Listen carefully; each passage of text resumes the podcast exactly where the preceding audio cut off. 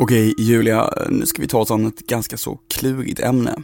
Ja, för den här veckan är vår huvudperson inte en klassisk bedragare utan en person som gjort många människor besvikna och arga och det handlar om något så känsligt som hudfärg. Just det, det här programmet handlar om en speciell lögn som faktiskt förbryllat hela världen. Det är dags för berättelsen om en kvinna vid namn Rachel Dolezal. Och nu börjar det. Are you an African American woman? I identify as black. It all came crashing down for NAACP Spokane president Rachel Dolezal, who has been portraying herself as a black woman for the past 10 years. Rachel Dolezal, the NAACP chapter leader, accused of lying about her race. Today, we asked her whether she has been deceptive and just why there are so many questions now surfacing about her past. Välkommen till Högt spel. En podd som handlar om bedragare som ljugit eller antagit falsk identitet. Det här avsnittet handlar om Rachel Dolezal. Hon engagerade sig som antirasist och aktivist och syntes i tidningar och TV. Men i själva verket var hon någon helt annan. Jag heter Axel Winqvist. Och jag heter Julia Lyskova.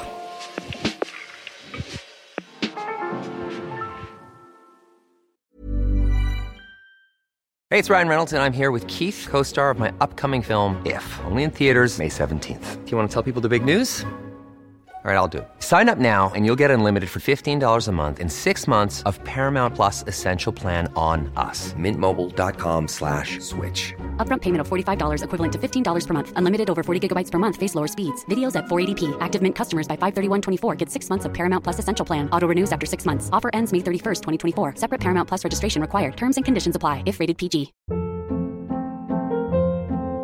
Hold up. What was that? Boring. No flavor. That was as bad as those leftovers you ate all week. Kiki Palmer here, and it's time to say hello to something fresh and guilt-free. Hello Fresh. Jazz up dinner with pecan-crusted chicken or garlic butter shrimp scampi. Now that's music to my mouth. Hello Fresh. Let's get this dinner party started. Discover all the delicious possibilities at hellofresh.com.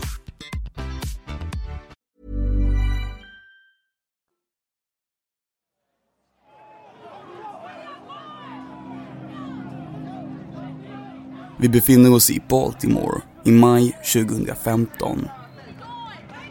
Det är folk på gatorna överallt. Demonstranter och kravallpoliser skriker på varandra. Bilar brinner, affärer plundras och förstörs. Delstaten Maryland har till och med utlyst undantagstillstånd. ABC rapporterar. Tonight, we have witnessed lawlessness and chaos on the streets as the violence escalates despite calls for peace. All this in the wake of today's funeral for a young man who died of severe injuries while in police custody. Några veckor tidigare har en 25-årig man vid namn Freddie Gray blivit arresterad av polisen. När Freddie förs in i polisbilen av sex poliskonstaplar blir han så våldsamt behandlad att han senare kommer hamna i koma och dö. Freddie Gray är bara ett exempel på när polisen i USA utövat övervåld mot unga svarta amerikaner. Och nu har många tröttnat. Tiden som följer efter Freddie Grays död präglas av protester. En del är våldsamma, andra fredliga. Baltimore is burning. After a day of looting and rioters clashing violently with police, tonight a community center in flames lights up the city as police and community activists try and take back the streets. Många amerikaner får ett politiskt uppvaknande i samband med det här. Men det finns också de som länge varit engagerade i det antirasistiska arbetet. Och vi ska nu träffa en av dem. I maj 2015 anordnas ännu en manifestation i Baltimore.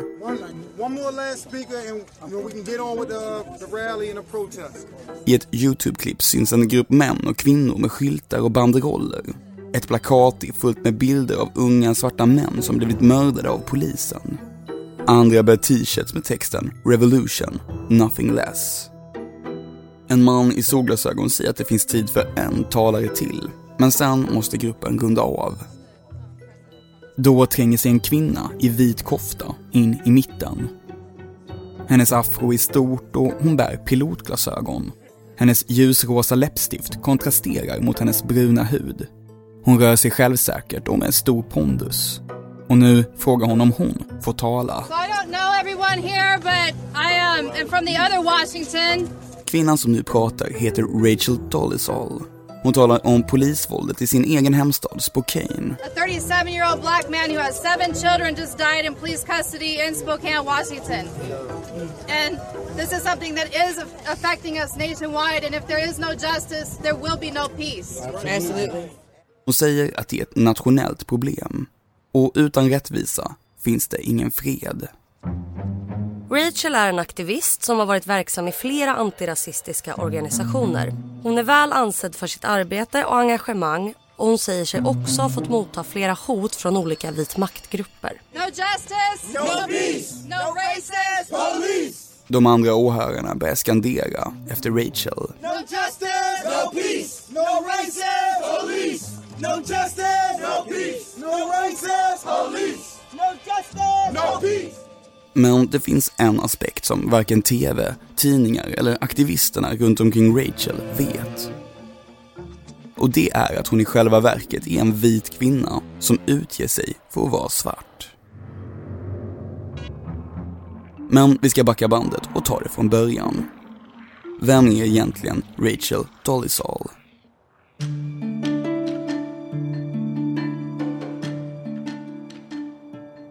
Rachel föds i delstaten Montana på landet i Lincoln County år 1977. Julia, hur ser det ut i Montana? Ja, en snabb googling säger att delstaten kallas för Land of Shining Mountains. Vilket inte är så konstigt för den här delstaten ligger liksom i klippiga bergen i nordvästra USA. Precis, och Rachels föräldrar, de är väldigt kristna. De tror på skapelseberättelsen, det vill säga att Adam och Eva var de första människorna som fördrevs från Edens lustgård. Men mamma Ruthane och pappa Lawrence tror också att människan ska leva ett så enkelt liv som möjligt för att vara nära Gud. Det vill säga inga extravaganser och utsvävningar, utan bara hårt arbete. Det innebär bland annat ett väldigt nitiskt sätt när det kommer till att ta tillvara på grejer. I familjen så syr man sina kläder själv om det går och de plockar till och med upp hundhår för att använda det till garn. I familjen Dolezal är det Guds ord som gäller. Rachel har en äldre bror och hon berättar att det händer att de får smisk av sina föräldrar. Eller att de stängs in i ett tomt rum med bara madrasser och en bibel när de inte har skött sig. I intervjuer så har hon sagt att hennes föräldrar en gång tvingade henne att äta sin egen spya efter att hon kämpat för att få ner en skål med gröt. Men som vanligt när det kommer till våra högt spelpersonligheter så måste vi höja ett varningens finger här. För eftersom Rachel inte verkar ha haft något emot att slira på sanningen senare i livet så kan vi faktiskt inte veta om det som hon säger här är sant eller inte. Och dessutom har Rachels familj gått ut och sagt att hon bara hittar på när hon berättar om de här övergreppen från barndomen. Men Rachel menar i alla fall att den här grymma behandlingen som hon utsätts för leder till att hon börjar drömma sig bort. Som liten flicka brukar hon trösta sig med en fantasi om att hennes föräldrar inte är hennes riktiga föräldrar. Nej, då brukar Rachel drömma om att hon är adopterad. Att hon egentligen är en egyptisk prinsessa som blivit bortrövad från sitt hemland. Det här blir ett sätt att ta sig igenom barndomen, för ofta känner sig Rachel ensam.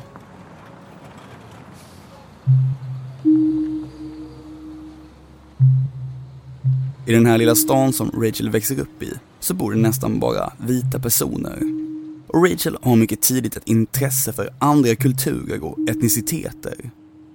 Det är inte bara det att hon brukar leka att hon är en egyptisk prinsessa. Nej, Rachel brukar också bläddra i sin mormors National Geographic-tidningar. Och där hittar hon reportage från olika delar av världen. Från Amazonasdjungeln i Sydamerika till Kongobäckenet i centrala Afrika. När barnet Rachel får se bilder på människor som lever på de här platserna så händer det någonting i henne. Hon kommer senare att beskriva det som ett sorts uppvaknande. För faktum är att Rachel inte betraktar sig själv som vit. När Rachel ritar sitt eget självporträtt som barn använder hon en brun krita. Hon ser sig själv som en svart flicka med afro trots att hon i själva verket är en vit, platinablond tjej med fräknar. Ja, det här låter ju helt snurrigt men det är så här Rachel resonerar och det kommer att bli ännu knepigare.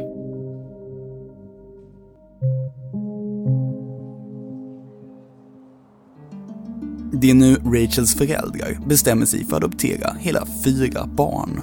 Ett från Haiti och tre som är av afroamerikanskt ursprung. Och Rachel blir, enligt henne själv då, snabbt som en extra mamma till de adopterade syskonen. Rachel börjar fläta sina adopterade syskons hår och sen börjar hon också fläta sitt eget hår. Hon gör så kallade box braids. Och så börjar hon läsa böcker som hon inte läst förut. Rachel tar sig an afroamerikansk litteratur, bland annat av författaren och tänkaren James Baldwin som har beskrivit hur det är att växa upp som svart i USA. Också inspireras hon av John och Spencer Perkins, en far och en son som har varit viktiga medborgarrättsaktivister och kristna ledare i Mississippi. Till en början handlar det om att lära sina adoptivsyskon mer om deras afroamerikanska arv. Men sen är det som att Rachel blir mer och mer intresserad själv. Ja, hon blir så intresserad att när hon slutar high school väljer hon att söka sig till Bellhaven, ett kristet college i Jackson, Mississippi, där medborgarrättsaktivisten Spencer Perkins föreläser. Hennes nya college har starka kopplingar till både medborgarrättsrörelsen och stadens svarta community. Det dröjer därför inte länge innan Rachel hunnit söka upp familjen Perkins och hon blir snabbt vän med hela familjen. Hon kallar Spencer för sin egen pappa. Det här är en återkommande grej för Rachel. Hon tyr sig gärna till svarta familjer där hon kallar familjemedlemmarna för sina släktingar. I Jackson är det inte bara familjen Perkins som råkar ut för det här utan paret Sam och Donna Pollard. Ja, igen så kallar då Rachel Sam och Donna för sin mamma och pappa.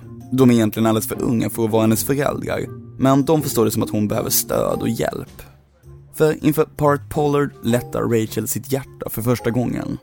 Hon gråter och säger att hon under hela sitt liv känt sig annorlunda och att hon i sitt hjärta vet att hon egentligen är en svart kvinna.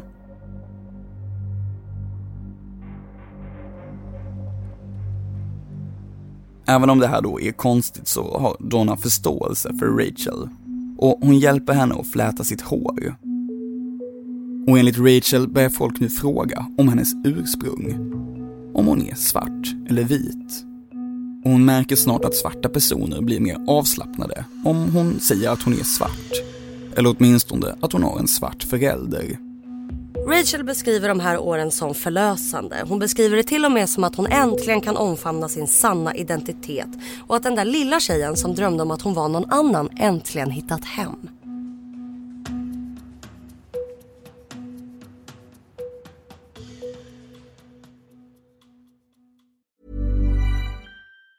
If you thought the only way to get a more defined jawline with natural looking results was through surgery, think again. Juvederm Volux XC is a non surgical injectable gel filler that improves moderate to severe loss of jawline definition and can help you achieve natural looking results with little downtime. Even better, this improved definition lasts up to one year with optimal treatment. No maintenance required. Improve jawline definition for a smooth, sculpted look with Juvederm Volux XC. For important safety information and to find a licensed specialist, visit juvederm.com. That's J U V E D E R M.com. Not for people with severe allergic reactions, allergies to lidocaine, or the proteins used in Juvederm. Common side effects include injection site redness, swelling, pain, tenderness, firmness, lumps, bumps, bruising, discoloration, or itching. There's a risk of unintentional injection into a blood vessel, which can cause vision abnormalities, blindness, stroke, temporary scabs, or scarring. Talk to a licensed specialist to find out if it's right for you. Ever catch yourself eating the same flavorless dinner three days in a row?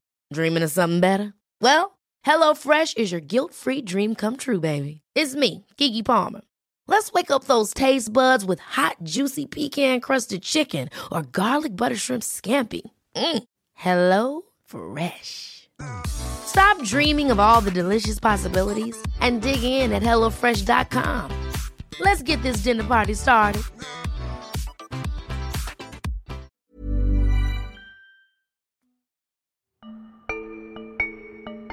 Rachel fortsätter sina studier på Howard University i Washington, ett universitet där många kända svarta amerikaner studerat. Vicepresidenten Kamala Harris har gått här och Nobelpristagaren Toni Morrison. Det är alltså historisk afroamerikansk mark. Och här tar Rachel en examen i konst. Ofta handlar hennes konst om rasism och hon gör bland annat en serie målningar om en svart mans inre mentala tillstånd. Men på Howard kommer hennes klasskamrater att minnas henne som vit. Det verkar som att hon under den här tiden inte är lika mån om att framställa sig som en svart kvinna. Och Rachel försöker till och med stämma skolan för att hon menar att hon har blivit diskriminerad just som vit. Rachel skriver i sin stämningsansökan att hon nekats forskarutbildningar, lärarassistentjobb och stipendium på grund av att hon är vit. Vänta, det, det här är helt knäppt. Nyss identifierar hon sig som svart och nu känner hon sig kränkt för att hon är vit.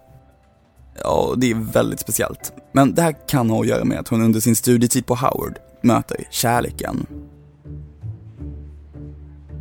Här träffar hon nämligen läkarstudenten Kevin Moore. Och efter studierna flyttar hon med honom till Idaho. De gifter sig och får en son. Kevin är själv svart, men han föredrar om Rachel förblir vit.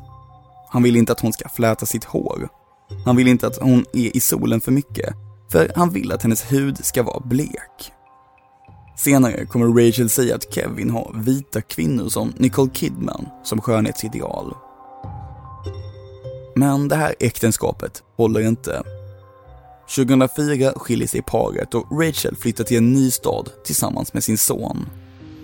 Det här innebär också att hon bryter med sina föräldrar som motsätter sig skilsmässa på grund av sin kristna tro Rachel är alltså helt ensam med sin son och nu börjar hon på nytt utforska sin identitet som svart kvinna. Hon börjar återigen fläta sitt hår och dessutom använda smink som gör att hennes hud ser mörkare ut. När folk frågar om Rachels bakgrund så säger hon att hennes pappa är svart. Egentligen vill hon inte ljuga men hon orkar heller inte förklara för folk att hon inte är född svart utan att det här är mer en känsla som har uppstått inuti henne. Dessutom blir Rachels familj nu större. En av hennes adoptivbröder, Issy, söker upp henne. Han hävdar också att han blivit misshandlad av Ruthane och Lawrence. Och nu flyttar han in hos Rachel i Idaho. Det här är ännu en anklagelse mot Rachels föräldrar som vi inte kan bekräfta. Andra syskon i familjen och föräldrarna nekar till att de slagit Issy. Men han är nu 16 år och har fått ett nytt hem hos Rachel Senare kommer Rachel också adoptera Issy. Rachel har nu två barn som inte är vita, vilket gör att fler börjar uppfatta hela familjen, inklusive Rachel, som en svart familj. Under åren som följer så blomstrar Rachel. Hon börjar arbeta som lärare och engagerar sig också i National Association for the Advancement of Colored People, som är en medborgarrättsorganisation i USA. Och här får Rachel mer och mer makt. Ja, hon blir till och med ordförande för en lokal enhet av organisationen i Washington. Alltså delstaten bredvid Idaho, där Rachel bor. Om den här tiden så skriver Rachel I was a black is beautiful, black liberation movement, fully conscious, woke soul sister. I blossomed fast. I samma veva får Rachel en ny fadersfigur i en man som heter Albert Wilkinson. Han är en före detta soldat och polis som är engagerad i något som heter Human Rights Education Institute i Idaho. Det är ett sorts center för antirasistiskt arbete och utbildning i delstaten. Och Rachel börjar så småningom arbeta här på institutet med titeln Education Director. Mm, det finns en bild på henne från den här tiden där hon står i Human Rights Education Institutes lokaler framför en muralmålning som hon själv har gjort. Målningen berättar om afroamerikansk historia och orättvisor. Den är dramatisk och detaljrik, den är full av text, skuggor och människoöden. Framför målningen står då Rachel och hon har kavaj, vit kråsskjorta och sitt flätade hår uppsatt i en knut. Hon strålar på den här bilden och ser ganska lycklig ut. En dag så lägger Rachel ut en bild på Facebook på sin adoptivson Issy och Albert där hon skriver “Det här är min son och min pappa”. Den här bilden kommer senare att användas emot henne. Men just nu så går Rachels karriär som tåget. Rachel känner att hennes liv har fått en mening. Hon är i allra högsta grad engagerad i kampen mot rasism och segregation i USA. En kamp som kommer att få mer uppmärksamhet under åren som följer, när det brutala polisvåldet mot svarta amerikaner återigen uppmärksammas. Efter att flera svarta personer blivit dödade i samband med polisingripande börjar det koka i USA.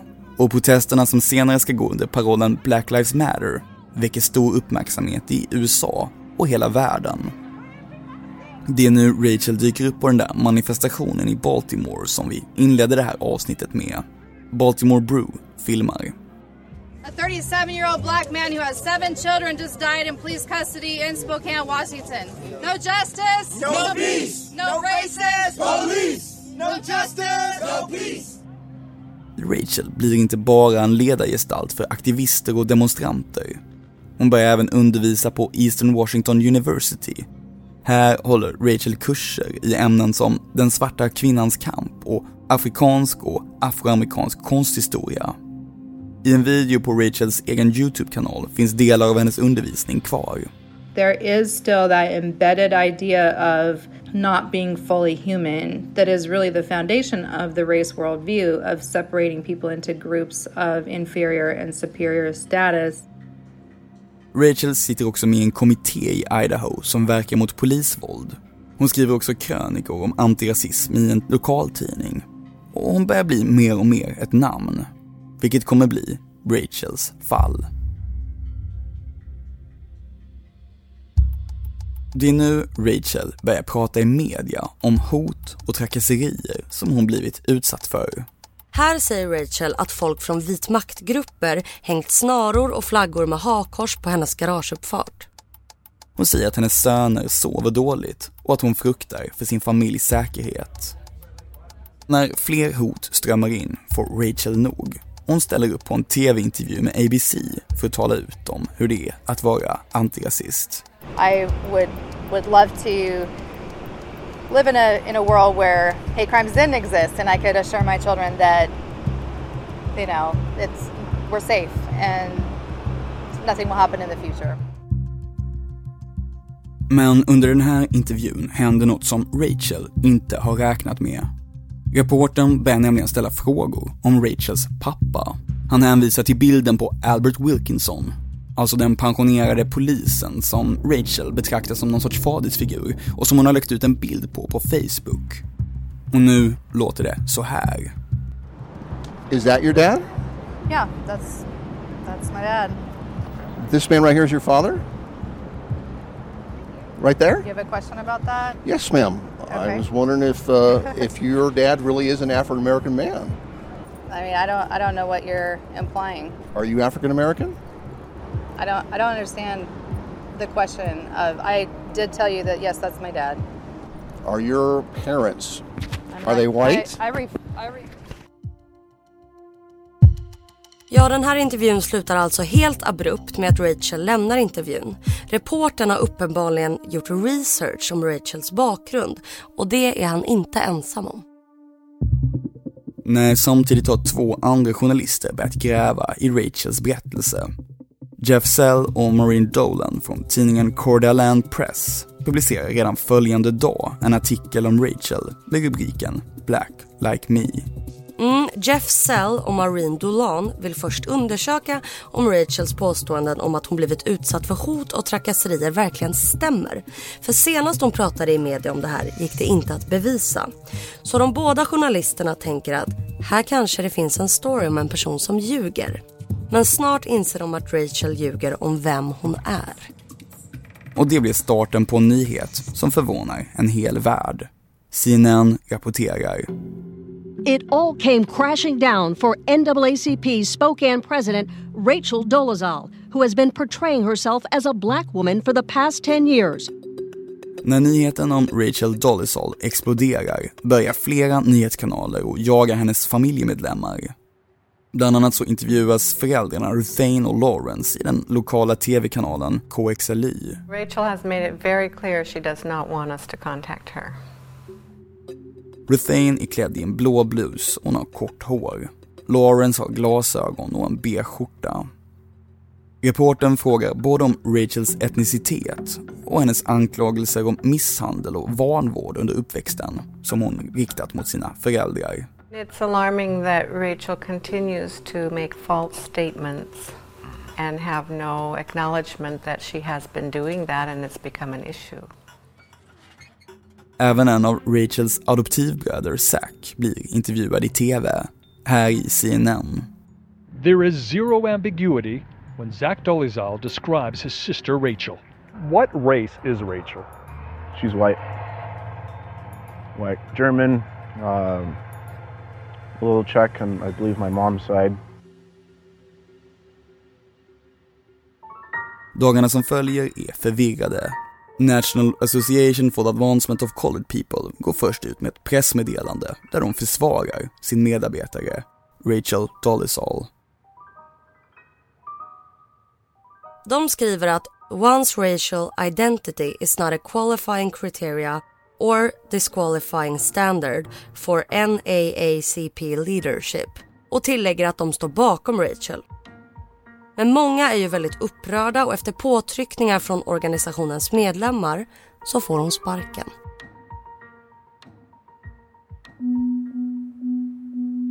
Samma dag blir hon av med jobbet som tidningskrönikör. Och sen får hon också kicken från att undervisa på Eastern Washington University. Upprörda röster säger att Rachel gjort blackface, att hon är en rasist som bara tycker att det är roligt att vara en svart kvinna och som inte har någon aning om hur det är på riktigt att leva med förtryck och orättvisor. Ja, det är det som är kruxet. Att Rachel hävdat att hon haft svårigheter i livet på grund av sin hudfärg. Att hon säger sig höra till en grupp som fått utstå systematiskt förtryck. Till exempel att man som svart i USA oftare blir stoppad av polisen och har svårare att få en anställning. Andra ser Rachel mer som ett skämt. Hon hånas på Twitter och Instagram. Och Rachel blir också en sketch i tv-programmet Late Night with Seth Meyers med komikern Maya Rudolph. I don't really understand the question. Do are either are either of your parents black? I don't. I mean, I can I can see a second I can see hair coming out from underneath your wig.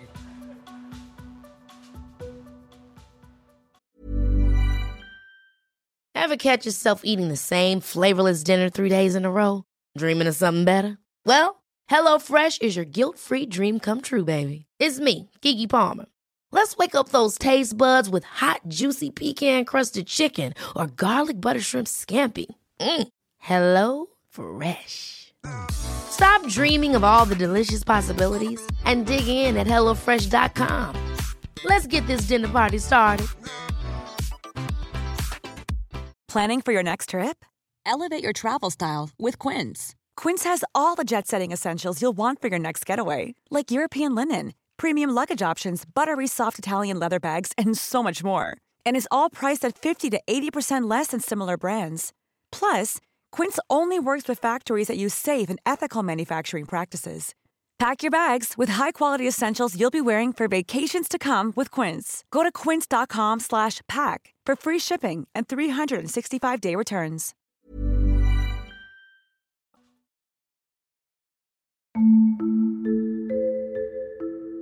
På bara några dagar har Rachel förlorat nästan allt. Sina jobb och dessutom många av sina närmsta vänner som inte längre vill ha något med henne att göra. I en intervju med The Guardian berättar hon att hennes barn får sms där det står att deras mamma borde ta livet av sig. Men mitt i allt det här gör hon en intervju i tv-kanalen NBC där hon slår fast att hon fortfarande betraktar sig själv som en svart kvinna. I identify as black. You identify as black. Let me put a picture up of you in your early 20s, though. And when you see this picture, is this an African American woman? Or is that a Caucasian woman? That's I, not in my early 20s, but That's a little um, younger, I guess. Yeah. I think I was 16 in that picture. Is she a Caucasian woman or an African American woman?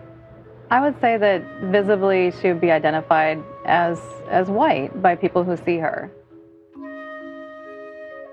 Rachel har tårar i ögonen när hon berättar om det som hänt. I samma veva får hon även reda på att hon är gravid. Hon väljer att behålla barnet och försöker se det som en ny start. Men det är svårt att gå vidare. En del hävdar att det Rachel har gjort är oförlåtligt. Andra försöker förstå. En kollega från Eastern Washington University säger att Rachel bara försökt matcha sin utsida men hur hon har känt sig på insidan.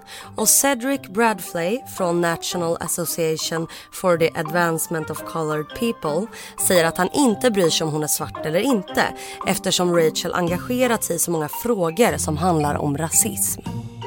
Och nu är debatten i full gång. En del jämför Rachels önskan att leva som en svart kvinna med en transpersons vilja att korrigera sitt kön. Caitlyn Jenner har precis kommit ut som trans och används som en liknelse, som här i talkshowen The View med bland annat Whoopi Goldberg. I think if we're to celebrate feeling like trans, yeah. you should celebrate. Now, that was just me saying No. maybe that that's what she was thinking. I don't know why she did it, but No, I'm thinking maybe she felt like you. that. A lot of you know? people say, you know, is it is it is it the same Yeah. as Caitlyn Jenner? Ja, Rachel själv verkar ju vara inne på det här spåret också.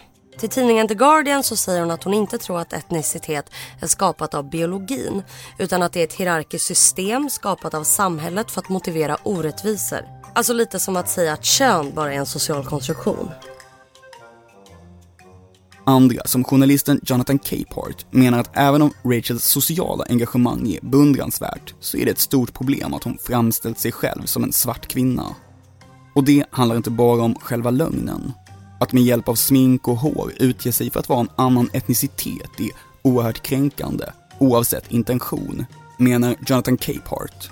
Och han säger att det Rachel gjort är att likna vid att göra blackface.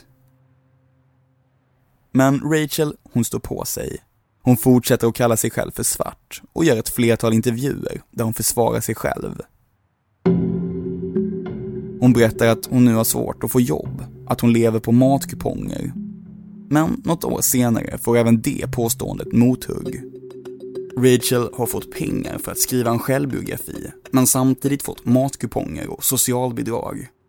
När åtalet blir en nyhet står det också klart att Rachel bytt namn. One of Spokane's most controversial figures faced a judge today accused of welfare fraud. Nkechi Diallo outwardly showed no signs of regret. Nkechi Diallo. Just minutes prior, she faced a judge charged with stealing nearly nine grand from the state. Rachels nya namn Nkechi är ytterligare ett sätt att framställa sig själv som mindre vit och mer svart. Ja, berättelsen om Rachel Dolezal är en skruvad historia som gett upphov till upprörda känslor, debatter på olika universitet och skämt. Men Julia, vad gör Rachel idag? Jag har varit inne och kollat på hennes Instagram. Hon tränar väldigt mycket och så ägnar hon sig åt konst. Hon både målar och gör skulpturer. Och hon pratar fortfarande en del om politik och antirasism. I ett inlägg så berättar Rachel att hon ska skapa ett konto på Onlyfans. Onlyfans. Ja, men det är inte som du kanske tror utan hon ska använda sidan för att prata om konst, träning, hår och jag kanske hålla kurser om afroamerikansk kultur som hon gjorde på universitetet. If I was to start an OnlyFans or Patreon, would you rather see wellness fitness um, inside peaks or art inside peaks or hair process, hair tutorial type of inside peaks?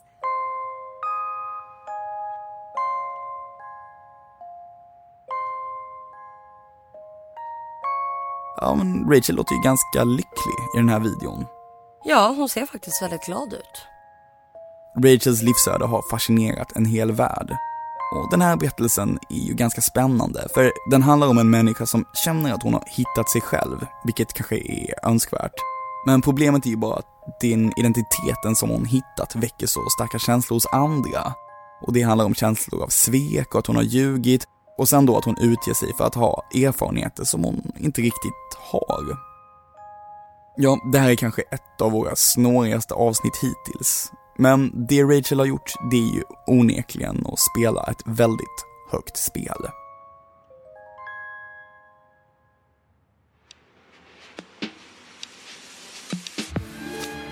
Högt spel är också namnet på vår podd med mig, Axel Winqvist. Och med mig Julia Lyskova. Producent var Matilda von Essen och programmet produceras av Studio Olga.